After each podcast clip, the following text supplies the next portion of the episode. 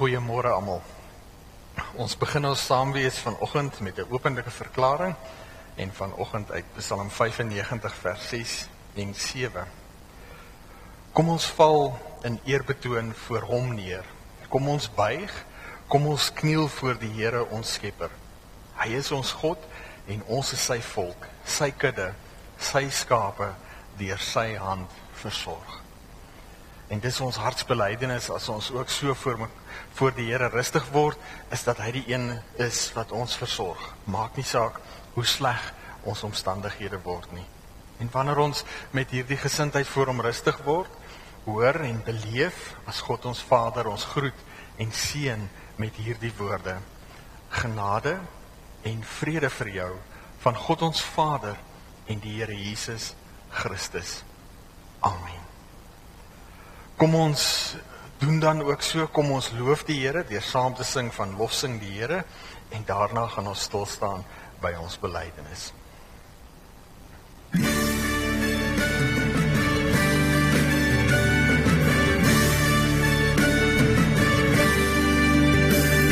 Lofsing die Here, die ewig gesin tot sy ere.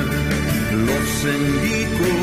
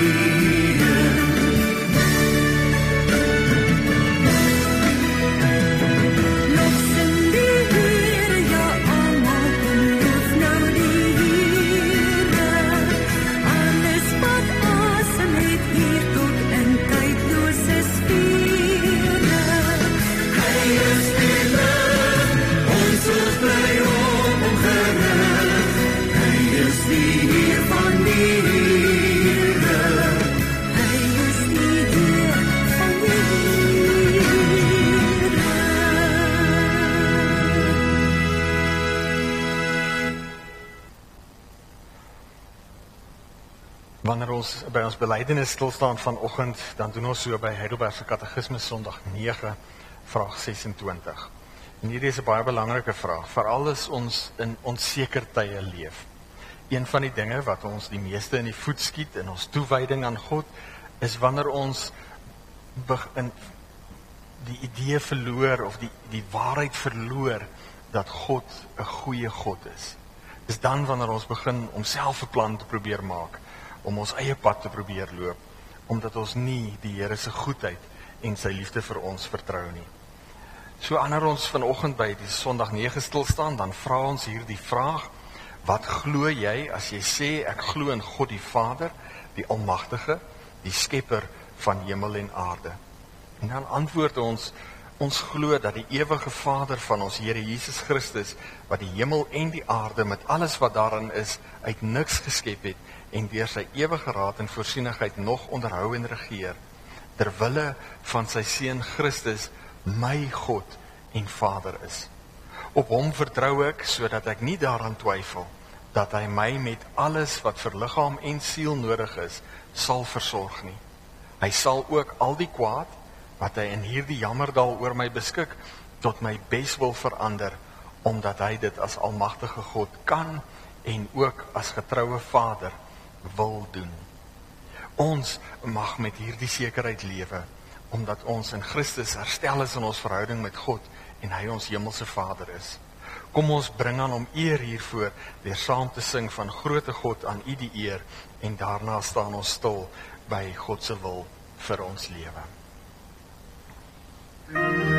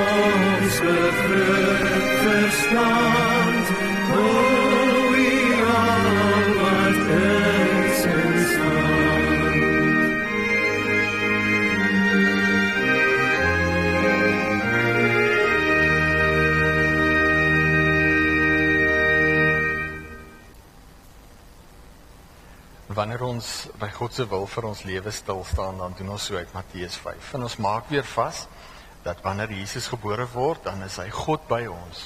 God wat mens word en so vir ons die die die grootste waarheid kom openbaar wat ons nodig het om in hierdie lewe ewig gelukkig te kan lewe. Dat God ons hemelse Vader is. Nou Jesus openbaar nie net God aan ons as hemelse Vader nie, hy kom doen ook verzoening vir ons sonde sodat ons herstel in ons verhouding met God kan leef. En daarin dan hierdie vraag: Hoe leef ek as ek herstel is in my verhouding met God? As ek God as hemelse Vader ken en weet dat hy my goeie God en hemelse Vader is, dat hy alle dinge ten goeie sal laat meewerk omdat hy as dit as almagtige God kan doen en as getroue Vader wil doen. En ons vind 'n antwoord hierop in Matteus 6. Jesus sê: Moenie vir julle skatte op die aarde bymekaar maak waar mot en roes dit verniel en waar diewe inbreek en dit steel nie. Maak vir julle skatte in die hemel bymekaar waar mot en roes dit nie verniel nie en waar diewe nie inbreek en dit steel nie. Waar jou skat is, daar sal jou hart ook wees. Die lamp van die liggaam is die oog. As jou oog goed is, sal jou hele liggaam lig hê. Maar as jou oog sleg is, sal jou hele liggaam sonder lig wees. As die lig in jou donker is, hoe donker moet dit dan nie wees nie? Niemand kan vir twee baase gelyk werk nie. Hy sal of die een minder ag en die ander een hoër, of vir die een meer oor hê en die ander een afskeep. Julle kan nie God en Mammon dien nie. Daarom sê ek vir julle, moet julle nie bekommer oor julle lewe, oor wat julle moet eet of drink nie, of oor julle liggaam, oor wat julle moet aantrek nie. Is die lewe nie belangriker as kos en die liggaam as klere nie? Kyk na die wilde voëls. Hulle saai nie en hulle oes nie en hulle maak nie in skure bymekaar nie. Julle hemelse Vader sorg vir hulle. Is julle nie baie meer werd as hulle nie? Daarin ons anker in die lewe. Maar daarin ook ons gebed wat ons vroeër verwoord het in die lied Grote God aan U die Heer dat die Here ons geestesoë sal oopmaak. Paulus bid in besonder hiervoor in Efesiërs 1 wanneer hy bid dat die Here ons geestesoë sal oopmaak dat ons mag weet watter hoop sy roeping inhou dat ons mag verstaan hoe groot die heerlikheid is wat hy vir ons in bewaring hou en dat ons mag verstaan hoe groot die krag is wat in ons werk dieselfde krag wat Jesus uit die dood uit opgewek het En die rede hoekom Paulus hiervoor bid en hoekom ons daarvoor gebid het, is dat dit partykeer moeilik is om so te lewe, veral as dinge te mekaar raak in ons wêreld. En daarom ook ons afhanklikheid van die Here. En vanoggend verwoord ons dit weer deur saam te sing van helder skyn u lig vir die nasies. Luister in besonder terwyl ons dit bid na daardie strofes wat die waarheid beskryf en dan die bede aan die einde van elke strofe. Mag dit vanoggend jou hartsgebed wees. Kom ons bid dit saam en daarna gaan ek in gebed vir ons voor.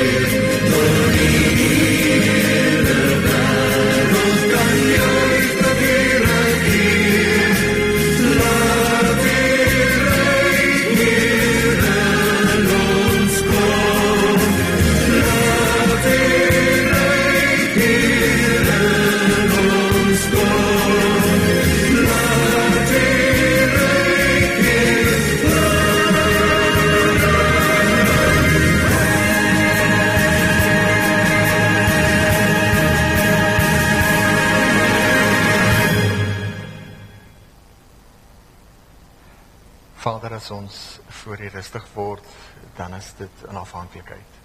Dit is innig bewus van die omstandighede waarin ons onsself bevind, bewus van die impak van COVID-19, die grendeltyd, eh, van die ekonomiese impak daarvan, van hoe dit ons lewens raak. En as ons so voor U rustig word, dan dan kom ons om elkeen aan U op te dra wat in hierdie tyd swaar trek aan die gevolge van van COVID-19 in besonder. Ons dink in hierdie oomblikke aan Tannie Gertina en aan Kobus hulle nadat oom Willie by hier tuis gekom het in hierdie stukkie rou en hartseer um, waar hulle met die getuienis leef dat hulle mekaar weer sal sien maar tog nog die hartseer beleef van 'n geliefde wat by u tuis gekom het. Ons kom om voor u rustig te word en ons kom pleit Vader dat u vir ons in hierdie tyd derendheid bewus sal maak van u teenwoordigheid.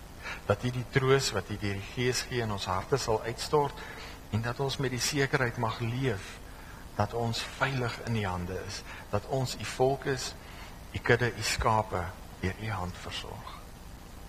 Ons kom pleit Vader dat waar U ons rondom U woord saamtrek sodat ons daarin toegerus mag word, dat U vir ons hierin genadig mag wees. Dat ons vanoggend mag hoor dit wat U met ons deel.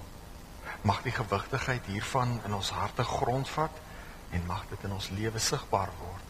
Dat ons hoor dat ons lewe soos kinders van U, dat ons lig mag wees soos wat U dit bedoel het. Ons bid dit Vader in Jesus se naam. Amen. Ons staan stil by Matteus 16 vanoggend. En wanneer ons gaan luister na hierdie gedeelte, hou in gedagte dat die Fariseërs en die Sadduseërs is die godsdienstige en politieke leiers van hulle tyd. Hulle staan in 'n baie lang tradisie um van na die ballingskap waarin Israel uiteindelik teruggekeer het uit ballingskap uit en hulle het hierdie verwagting, hierdie hoop dat die glorieryk van Dawid weer sal aanbreek. Hulle het verskillende maniere oor hoe hulle dink dit sou gebeur, maar hulle leef met hierdie hoop dat daardie tyd van Dawid toe Israel sy vyande op hulle plek kon hou en dit regtig goed gegaan het met die land dat daardie tyd weer sal aanbreek. Hulle beleef dit nie op hierdie stadium nie omdat hulle onder die Romeinse juk staan en en daardie juk is met geweld vrede van Rome is met geweld afgedwing. So hulle beleef redelike onseker en swaar tye. So wanneer ons na hierdie gesprek tussen hulle en Jesus luister, dan hê 'n bietjie simpatie met hulle. Hulle probeer die beste maak van die saak waarin hulle is. Ons hoor in hoofstuk 16 vers 1: Die Fariseërs en die Sadduseërs het gekom om Jesus op die proef te stel. Hulle het hom gevra om vir hulle as teken uit die hemel 'n wonder te doen. Maar hy antwoord hulle: "In die aand sê julle, daar kom mooi weer want die lug is rooi. In die môre sê julle, vandag sal dit onweer wees want die lug is duinserig rooi." Julle weet hoe om die voorkoms van die lig te beoordeel, maar die tekens van die tye kan julle nie onderskei nie. 'n Slegte en afvallige geslag wil 'n teken hê en geen teken sal aan hulle gegee word nie behalwe die teken van Jona. Hy het hulle daar gelaat en weggegaan. Die disippels het na die oorkantste oewer toe gegaan, maar vergeet om brood saam te neem. Jesus het vir hulle gesê: "Pas op en wees op julle hoede vir die suurdeeg van die Fariseërs en die Sadduseërs." Hulle het toe met mekaar daaroor gepraat en gesê: "Dit is omdat ons nie brood saamgebring het nie." Jesus het geweet wat hulle praat en hy sê vir hulle: "Klein gelowiges, hoe praat julle met mekaar daaroor dat julle nie brood het nie?" Verstaan julle nog nie en onthou julle nie die 5 brode vir die 5000 en hoeveel mandjies vol julle bymekaar gemaak het nie? En die 7 brode vir die 4000 en hoeveel mandjies vol julle bymekaar gemaak het nie? Hoe is dit dan dat julle nie verstaan dat ek nie met julle oor brood gepraat het nie? Ek het gesê pas op vir die suurdeeg van die Fariseërs en die Sadduseërs. Toe het hulle verstaan dat hy nie bedoel het dat hulle vir gewone suurdeeg op hulle hoede moet wees nie, maar vir die leer van die Fariseërs en die Sadduseërs. Wanneer ons vanoggend by hierdie gedeelte stil staan, dan maak ons vir onsself net weer vas. Deur sy woord rus die Here ons toe om naby hom te kan leef en saam met hom te werk. Paulus praat hieroor in Timoteus 2 Timoteus 3 vers 16 en 17. Die verkondiging van die woord neem ons van waar ons is na waar ons moet wees. En dit is waar vir elkeen van ons omdat die Here besig is om sy beeld in ons te herskep. Dit wat sonde stikkend gebreek het, word in ons ontmoeting met God weer genees. Dit word weer gesond gemaak. So deur die verkondiging van sy woord wys die Here vir ons waar ons is. Die woord werk soos 'n spieël. Ons sien onsself, ons harte, ons motiewe en ons optrede daarin. En dan wys die Here ons daarna waar ons moet en kan wees. Hy wys vir ons 'n beter pad. Nou die teks vanoggend is 'n besonder diensbaar om ons te help verstaan waar ons baie keer is. En wanneer ons dit vir mekaar sê, dan wys ons nie 'n beskuldigende vinger nie. Ons aanvaar gewoon dat die Here besig is met ons. Dat daar ook in ons lewe dinge is wat wat nie daar moet wees nie. Dinge, gesindhede, maniere van dink, optredes wat ons moet afsterf en dat daar beter maniere is van dinge doen omdat ons kinders van die Here is. So wanneer Jesus die disippels, die eerste gemeentes en ons waarsku teen die suurdeeg van die Fariseërs en die Sadduseërs, dan is dit goed om ernstig ag te gee daarop. Nou die leer van die Fariseërs en die Sadduseërs, Sadduseërs sal uiteindelik jou hele lewe deursuur. Wees daarom versigtig daarvoor. Dis die waarskuwing wat Jesus rig. Die leer van die Fariseërs en die Sadduseërs sal jou hele lewe deursuur. Dit sal oorvat. So wees versigtig daarvoor. Nou die die disippels en die eerste gemeentes is sou onmiddellik gaan stil staan het na hierdie uitspraak van Jesus. Want die Fariseërs en die Sadduseërs het nie om dieselfde vuur gesit nie. Hulle het oor baie min dinge saamgestem. Hulle was min of meer net verenig rondom hulle teenstand teen Jesus. Die Sadduseërs het die geleerde elite verteenwoordig, afkomstig uit die ou adelike en priesterlike families en was polities goed ingeskakel by die by die bestaande politieke bestel, veral rondom Jerusalem. Die Fariseërs was nakommelinge van die rabbies uit die platteland en het die gewone ongeleerde mense verteenwoordig. Die Sadduseërs het net die eerste 5 boeke van Moses as die skrif erken en daarteenoor die Fariseërs wat gesê het nee die die hele Ou Testament en die tradisies en die interpretasie van daardie tradisies sedert die die ballingskap is geldig vir die onderhouding van die wet. Die die Sadduseërs het gemaklik en baie nou saamgewerk met die Romeinse owerhede en die ander politieke maghebbers van hulle tyd.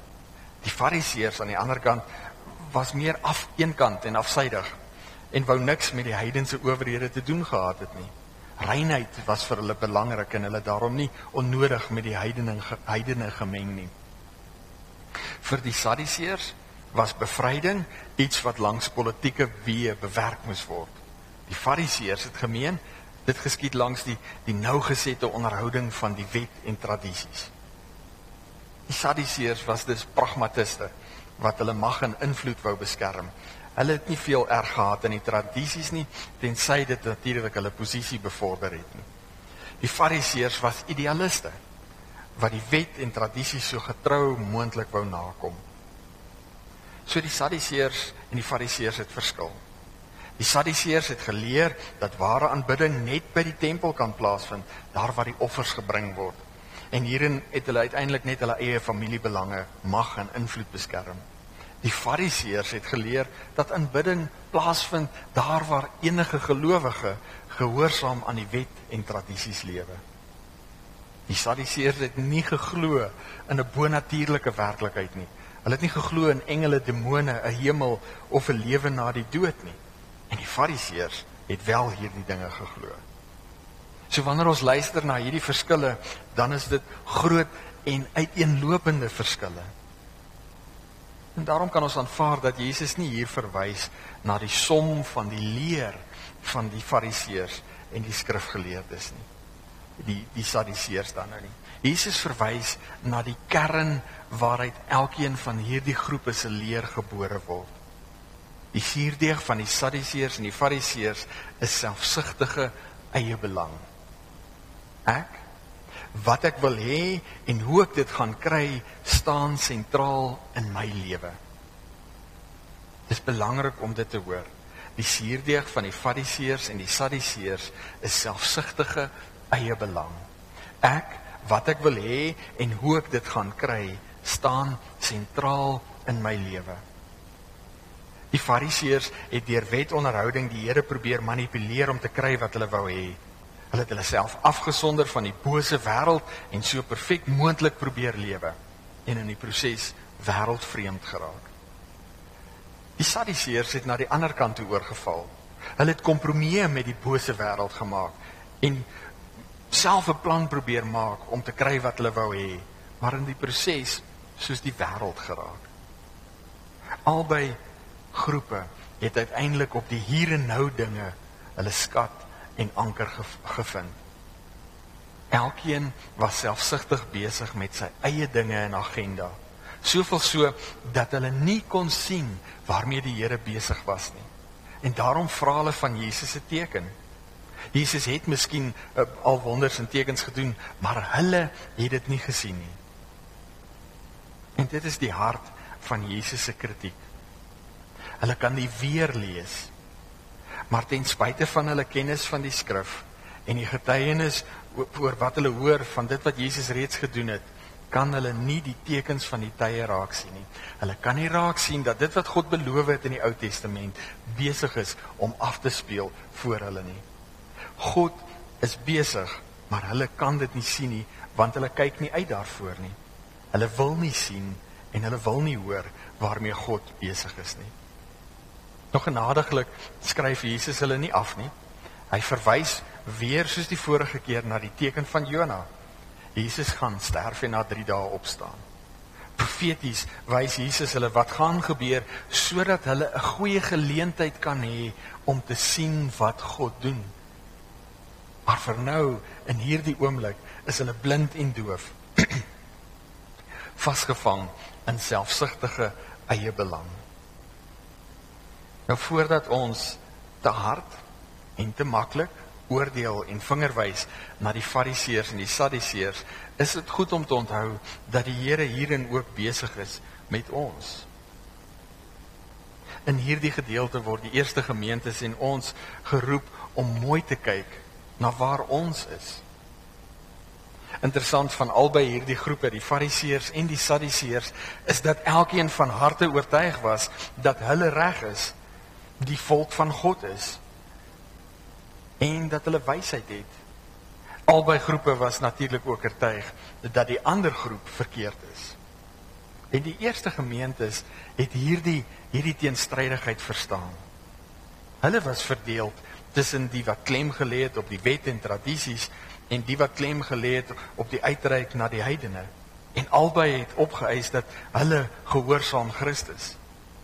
Albei groepe was oortuig dat hulle dat hulle reg is. En in hierdie gedeelte word hulle tot stilstand geroep en gevra om weer na hulle eie harte te kyk en hulle motiewe te ondersoek. Waarmee is ons besig? Ons dinge of God se dinge? En die probleem hier is selfsugtige eie belang. En dis nie 'n nuwe probleem nie. Dit is die kern van die sondeval wat hierso uitkook in die lewe van die Sadduseërs en die Fariseërs, in die lewe van die eerste gemeentes en baie keer ook in ons lewens. Na die sondeval het ons verhouding met God stukkend gebreek en daarna ons verhouding met mekaar. En dit het baie ellende veroorsaak. Jakobus skryf nogal breedvoerig hieroor. Kom ons luister gou. In Jakobus 3 hoor ons En onthou nou, Jakobus praat hier met gelowiges. Hy skryf aan gemeentes wat Christus as Here bely het. Is daar 'n wyse en verstandige mens onder julle? Dan moet hy dit toon deur sy goeie gedrag en deur dade wat van nederigheid en wysheid getuig. Terwyl daar bitter naaiwer en selfsug in julle harte is, moet julle nie daarmee spog dat julle wysheid het nie, want dan praat julle nie die waarheid nie. Die soort wysheid kom nie van bo nie, maar is aards, sinlik, demonies. Want waar daar naewer en selfsug is, kom daar wanorde en allerlei gemeene dade. Maar die wysheid wat van bo kom, is allereers sonder bybedoelings en verder is dit vredelewend, inskikkelik, bedagsaam, vol medelee en goeie vrugte, onpartydig, opreg. Hierdie wysheid bring jou in die regte verhouding met God en jy moet dit gebruik om vrede te maak. Waar kom die stryd vandaan? Waar kom die rusie onder julle vandaan? Kom dit nie van julle selfsugtige begeertes wat gedurig binne in julle woed nie? Julle wil dinge hê, maar kry dit nie en wil dan moord pleeg. Julle is jaloers op 'n ander man se goed en kan dit nie in die hande kry nie en dan maak julle rusie en beklei julle. Julle kry nie omdat julle nie bid nie En as julle bid, ontvang julle nie omdat julle verkeerd bid. Julle wil net julle selfsugtige begeertes bevredig. Weet julle nie julle ontrou is dat vriendskap met die wêreld vyandskap teen God is nie? Wie 'n vriend van die wêreld wil wees, wys daarmee dat hy 'n vyand van God is. Of dink julle dat die skrif sonder rede sê dat God die gees wat hy aan ons laat woon heeltemal vir homself wil hê? Maar die genade wat hy gee is nog groter en daarom sê hy God weerstaan hoogmoediges, maar aan nederiges gee hy genade. Onderwerp julle dan aan God. Staan die duiwel teë en hy sal van julle af wegvlug. Nader tot God en hy sal tot julle nader. Was julle hande sondaars en reinig julle harte heiligelaars. Bekla julle elende, treur en huil. Laat julle vrolikheid in rou verander en julle blydskap in droefheid. Onderwerp julle in nederigheid voor die Here en hy sal julle verhoog. Hierdie is harde woorde. En as ons onthou dat die Fariseërs en die Sadduseërs die kerk van Jesus se tyd verteenwoordig en ons sien iets hiervan in hulle lewe, dan is dit ontstellend. Dis nog meer so as ons hoor in Jesaja dat dat God sê hy wil hê sy volk moet 'n lig vir die nasies wees sodat die redding wat hy bewerk die uithoeke van die aarde kan bereik. Maar dis nie waar die Sadduseërs en die Fariseërs is nie. Konflik met Jesus, naaiwer en selfsug kenmerk hulle verhouding met mekaar en ander. Jakobus sê die dinge kom nie van God af nie, maar is aards, sinlik, demonies. Dit gaan hier uiteindelik oor liefde vir die hier en nou dinge, vir die aardse of wêreldse dinge. En dis 'n groot probleem. Jakobus sê vriendskap met die wêreld is vyandskap teen God. En hy verwys nie hier na vriendskap met ongeredde mense in die wêreld nie, maar liefde vir die aardse hier en nou dinge wat God en sy dinge verdring in my lewe. Johannes bevestig hierdie in sy in sy eerste brief wanneer hy skryf: Moenie die sondige wêreld en die dinge van die wêreld lief hê nie. As iemand die wêreld liefhet, is die Vader se liefde nie in hom nie. Die wêreldse dinge, alles wat die sondige mens begeer, alles wat sy oë sien en begeer, al sy gesteldheid op besit, kom nie van die Vader nie, maar uit die wêreld.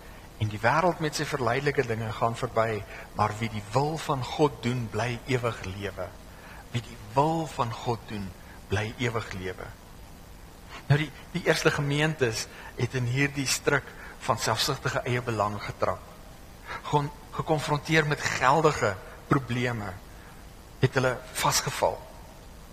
En hulle het geldige probleme gehad. Hulle was, was verbann uit die sinagoge en daarom afgesny van daardie maatskaplike ekonomiese ondersteuningsnetwerk waarvan hulle deel was. Hulle is met agterdog dopgehou deur die Romeinse owerhede en dan was hulle nog onderling verdeel oor hoe hulle die Here moet dien.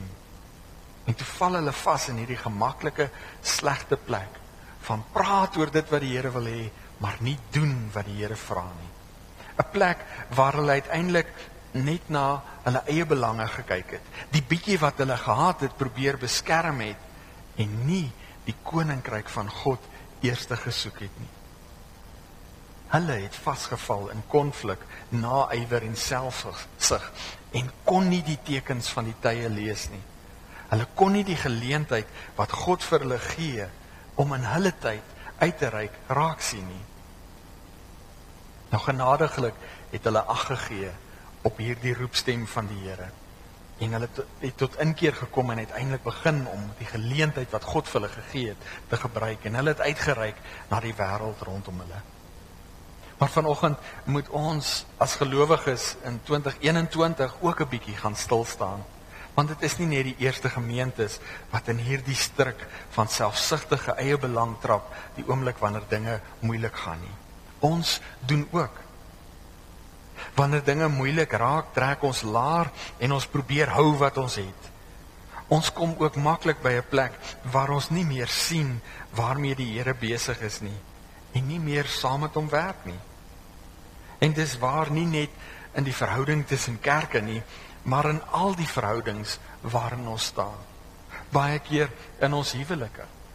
In die verhouding tussen ouers en kinders, tussen broers en susters. tussen familie en vriende, daar by die werk waar ons moet leef elke dag, daar waar ons speel en ontspan. En daarom vanoggend hierdie vraag vir elkeen van ons. Waar is daardie verhoudings in jou lewe? Verhoudings wat ge gekenmerk word deur deur konflik, naaiwer en selfsug. Selfs al sê almal hulle glo en is kinders van die Here. Verhoudings waarin ek en die ander party oortuig is ek is reg en die ander een is verkeerd.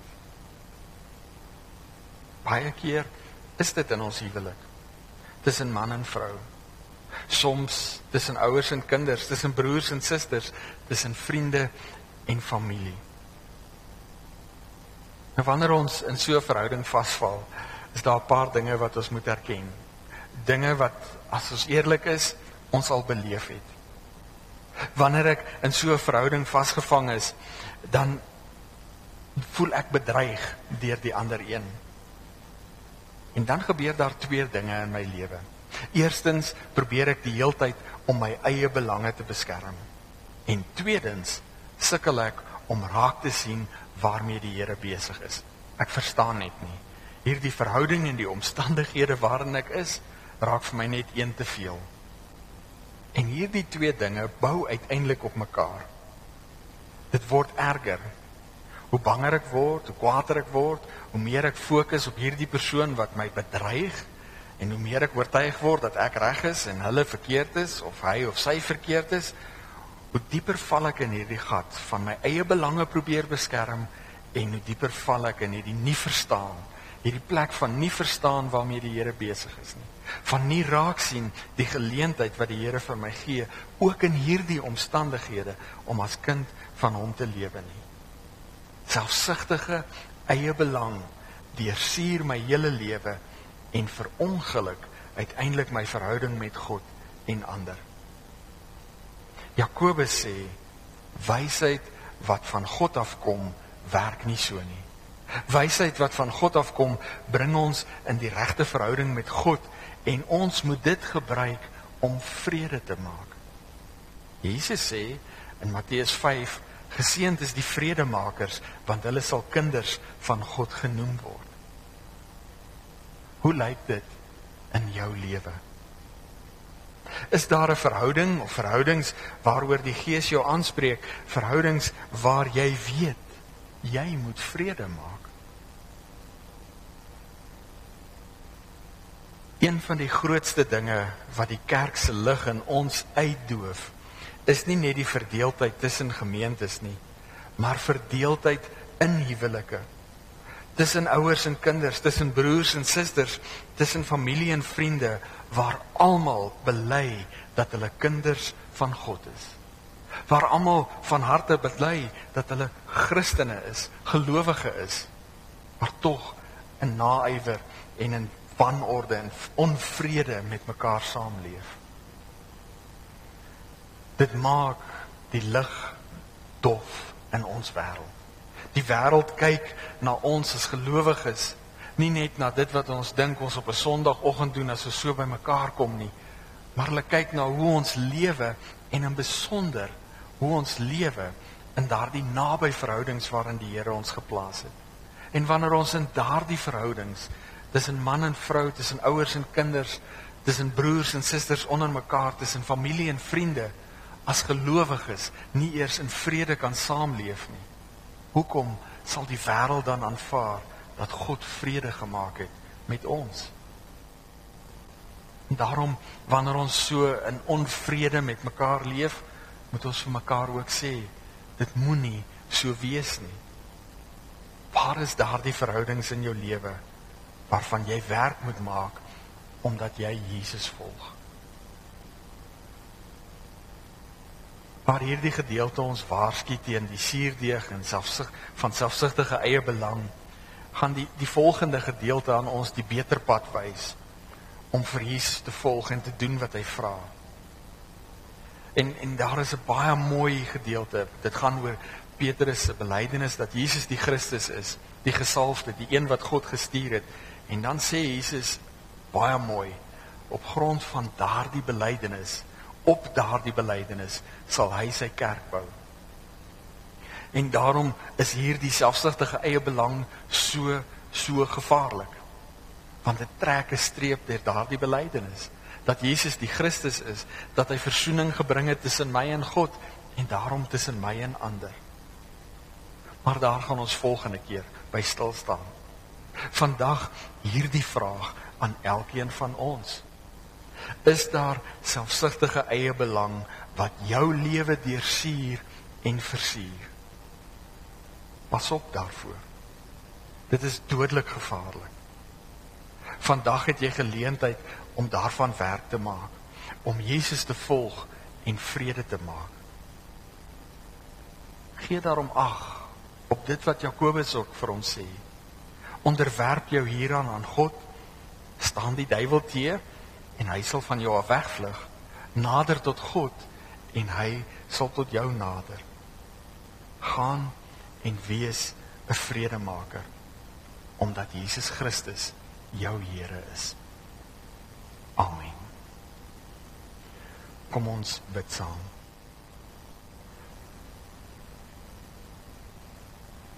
Vader, as ons hierin voor U rustig word en ons kyk na ons tyd en wêreld, ons kyk in besonder na hoe dit gaan in die kerk, nie net tussen gemeentes nie, maar in gemeentes en in besonder in huwelike, in gesinne, in families, tussen vriende, dan sien ons dat dit nie altyd goed gaan nie. Dat ons soos die fariseërs en die sadduseërs baie keer leef met 'n stuk selfsugtige eie belang. En daarom as ons in hierdie oomblikke voor U rustig word, dan kom pleit ons Vader dat U vir ons genadig sal wees. Dat ons oortuig van die werking van die Gees wat nie net oortuig van skuld en sonde nie, maar ook saam met ons Gees getuig dat ons kinders van U is. Daardie verhoudings sal aanspreek in ons lewe waar dinge nie reg is nie. Ons kom bid Vader vir die huwelike vir elkeen wat bely dat hy of sy gelowiges is maar wat leef met 'n stuk eie geregtigheid met 'n stuk selfsug in hulle huwelik omdat hulle bedreig voel. Ons bid Vader dat U deur die Gees harte nuut sal maak dat U ook in hierdie tyd waar mense bedreig voel deur die ekonomiese omstandighede, deur die onsekerheid van werk en van die toekoms en waar dit baie keer in huwelike tot spanning lei, Vader, dat U ook daarin die mooi van dit wat U bedoel het die huwelik moet wees, weer in mense se harte sal oopbreek. Vader, wil U ons hierin genadig wees dat ons mag raak sien waar selfsugtige eie belang so suurdeeg besig is om uit ons harte ons lewens te versier. Ons bid vir ouers en kinders en broers en susters en familie onderling dat ons die seer wat ons aangedoen is mag vergewe. Gee ons die krag en die genade om dit te kan doen sodat ons kan vryspreek hulle wat ons te nagekom het en daarin ook met vrymoedigheid voor U mag lewe omdat U ons vrygespreek het. Ons kom na U toe en ons kom pleit Vader dat daar waar dit wat ons aangedoen is regtig seer en groot is dat U ook in ons harte die krag van die Gees sal uitstort dat ons met moed en oortuiging seker van U liefde vir ons gehoorsaam mag vergewe wil U die seer in ons harte genees en ons daarin ook toerus om gehoorsaam Christus se pad van selfverloning te volg en so te vergewe hulle wat ons te nagekom het. En daarin bid ons Vader dat ons gehoorsaamheid klein soos dit is 'n impak in hierdie wêreld mag hê. Dat ook u koninkryk daardeur in hierdie wêreld sigbaar mag word tot redding van baie ander. Ons bid dit Vader in Jesus se naam. Amen. Kom ons verwoord ons afhanklikheid van die Here deur saam te sing van doen slegs U wil, Heer. Dis 'n baie innige gebed. Bid dit met oorgawe en afhanklikheid van die Here en daarna ontvang ons die seën van die Here.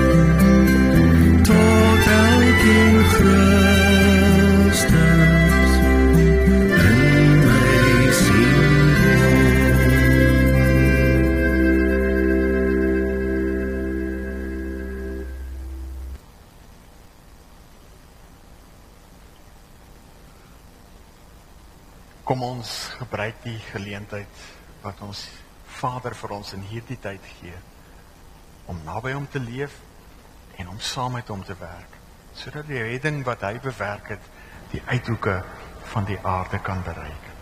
Hiertoe seën hy ons ook.